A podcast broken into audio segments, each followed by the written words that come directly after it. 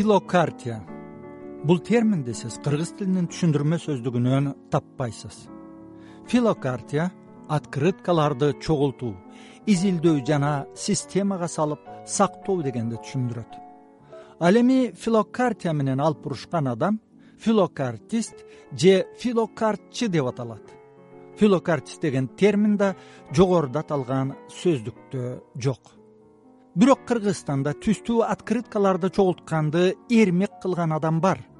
Ал байыркы ош шаарынын тургуну абдимиталип мырзакметов абдимиталип мырзанын коллекциясында эң эски открыткалары сексен жыл мурда чыккан. Крыловдун э, тамсилдерин э, бир художник иллюстрациялаган экен ошол немелерин. Ошо кыркынчы жылдан бери эме болуп болуптур да?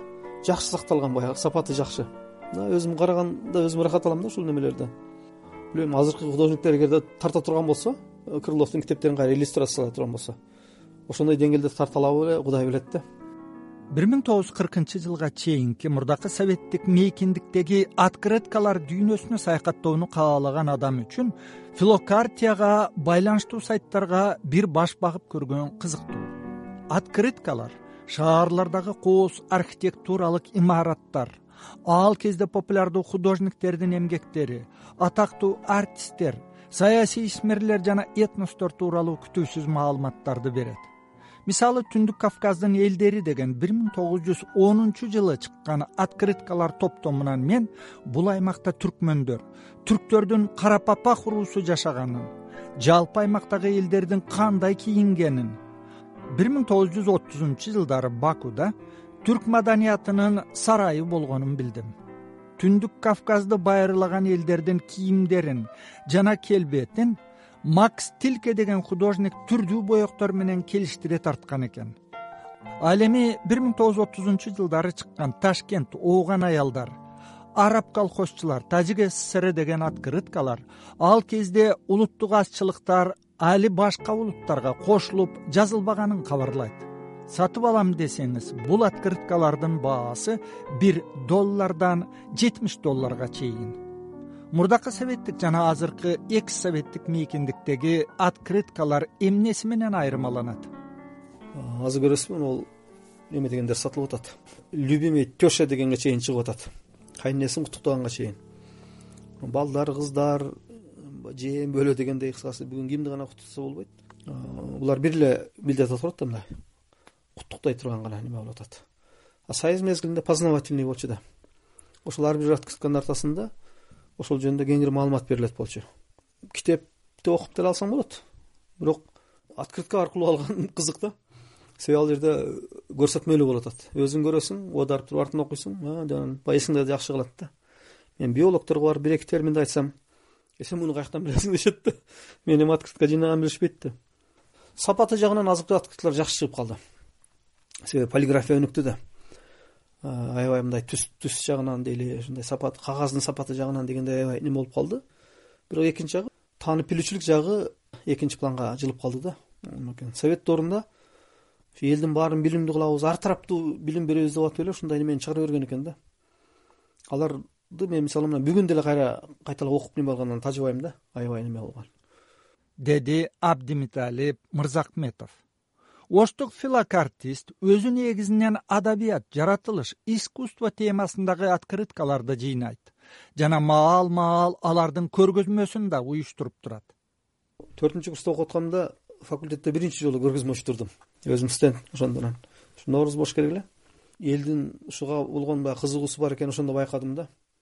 Мен үчүн баягы мындай кадыресе эле бир көнүмүш иш сыяктуу болуп атса мугалимдердин баардыгы таң калып эми студент үчүн окуткан мугалим таң калып атса мага эме болуп атат да аябай көңүлүм көтөрүп агайларым эжекелерим ушуга таң калып атат деп. Бир күнгө деп уюштурсам суранышып абдимитали ушуну бүгүнчө кое тур эртең менин балам ээрчитип келейин деп ээрчитип келип балдарын көрсөтүшкөн да.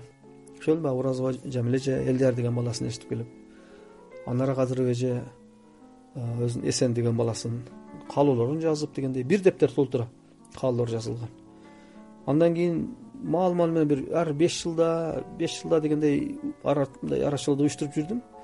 Эгер ошол каалоо ба сунуш дегендердин баарын жазсам бир чоң леген китеп болуп кетмек.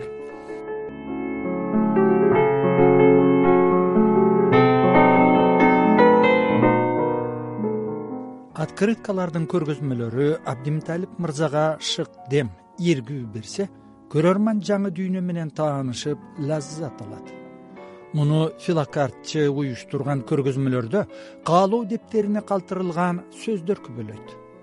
Абдимиталиптин коллекциясын көрүп жатканда достоевскийдин сулуулук дүйнөнү сактап калат деген сөзү эсиңе түшөт. Бир нече мүнөт сааттын аралыгында көзүңдүн кумары канат чынында эле баардык нерседе кооздук бар тура рахмат сага студентим уразова жамиля методика кафедрасынын мугалими он сегизинчи март бир миң тогуз жүз токсон экинчи жыл эх кыргызстан ташкент новосибирск казань душанбе ялта. Эмне деген керемет жерлер. Ушул шаарларга барбасам да баргандай болдум. Албетте митал мырзахматов агай аркылуу. Рахмат сизге. Жеке менин өзүмө жакканы ялта болду. Мурун уккан элем. Пулуң болсо калтада дем аласың ялтада.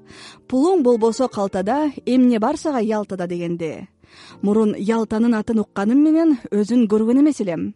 Мына эми көрдүм деп жазат бир миң тогуз жүз токсон алтынчы жылы сегизинчи майда ноокат жатак гимназиясында өткөн көргөзмөдөн кийин он биринчи класстын окуучусу жолборсова венера.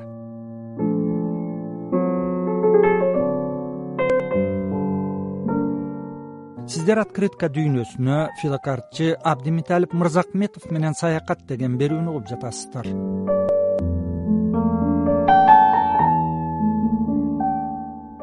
филокартия мурдакы советтер союзуна жана бүгүнкү экс советтик өлкөлөргө салыштырганда батыш дүйнөсүндө алда канча мыкты өнүккөн. Гиннестен рекорддор китебинин ырасташынча эң алгачкы открытканы бир миң сегиз жүз кыркынчы жылы англиялык жазуучу теодор хук почта аркылуу жөнөткөн.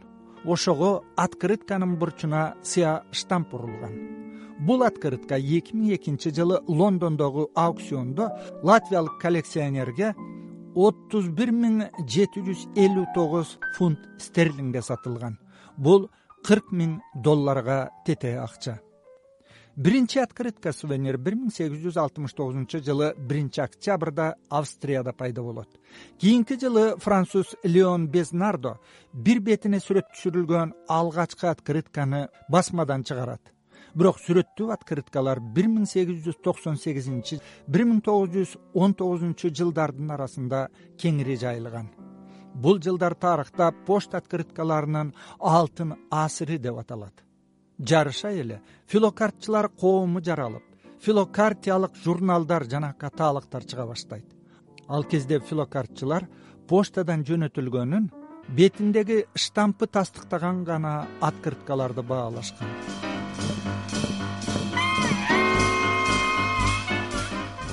кыргыз тилиндеги жазуусу бар открыткалар барбы? Тарых илимдеринин кандидаты мырзахметовдун айтымында кыргыз тилиндеги открыткалар совет доорунда чыгып түбөлсүздүк доору келгени дээрлик токтогон. Ошондой сонун эле. Кыргыз тилинде открыткалар да барбы? Э, кыргыз тилинде э, өтө сейрек өтө аз. Менде эми ушул союздун шарапаты менен чыгып калган эмелер бар да. Фрунзе шаары жөнүндө мисалы советтик кыргызстан деген анан кыргыздардын колдонмо жасалган өнөрү деп ленинградтан чыккан немелер бар. Ошолор орусча кыргызча англисче чыгып калган ушундай открыткалар бар ушундай.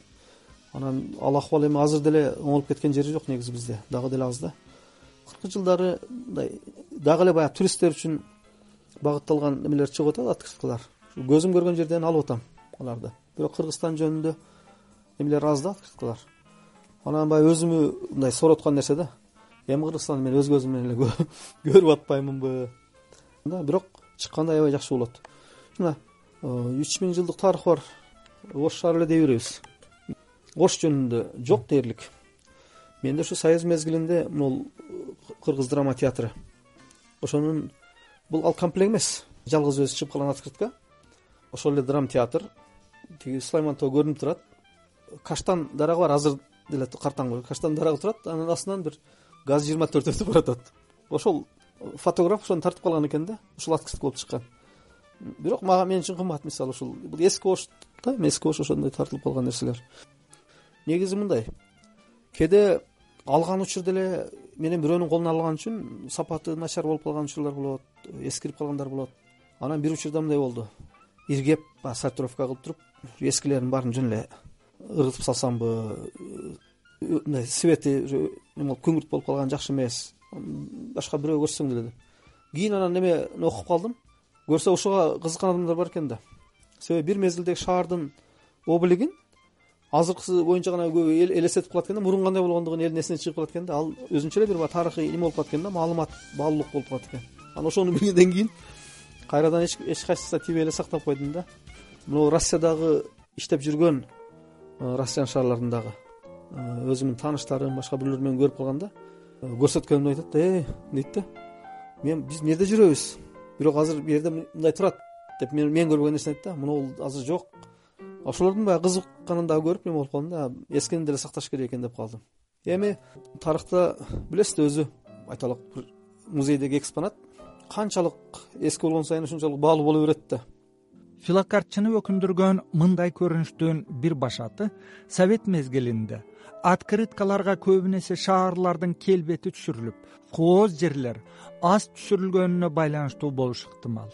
Өзүм мисалы филокартиялык сайттарды эртеден кечке аңтарып жатып бир миң тогуз жүз отуз отуз тогузунчу жылдарга таандык бөлүктөн кыргызстанга тиешелүү эки гана открытканы таптым дом правительства киргизской ссср деген жазуусу бар открытка өкмөт үйү бир миң тогуз жүз отуз алтынчы жылы жетинчи ноябрда ачылгандан бир эки жылдан кийин чыккан экен.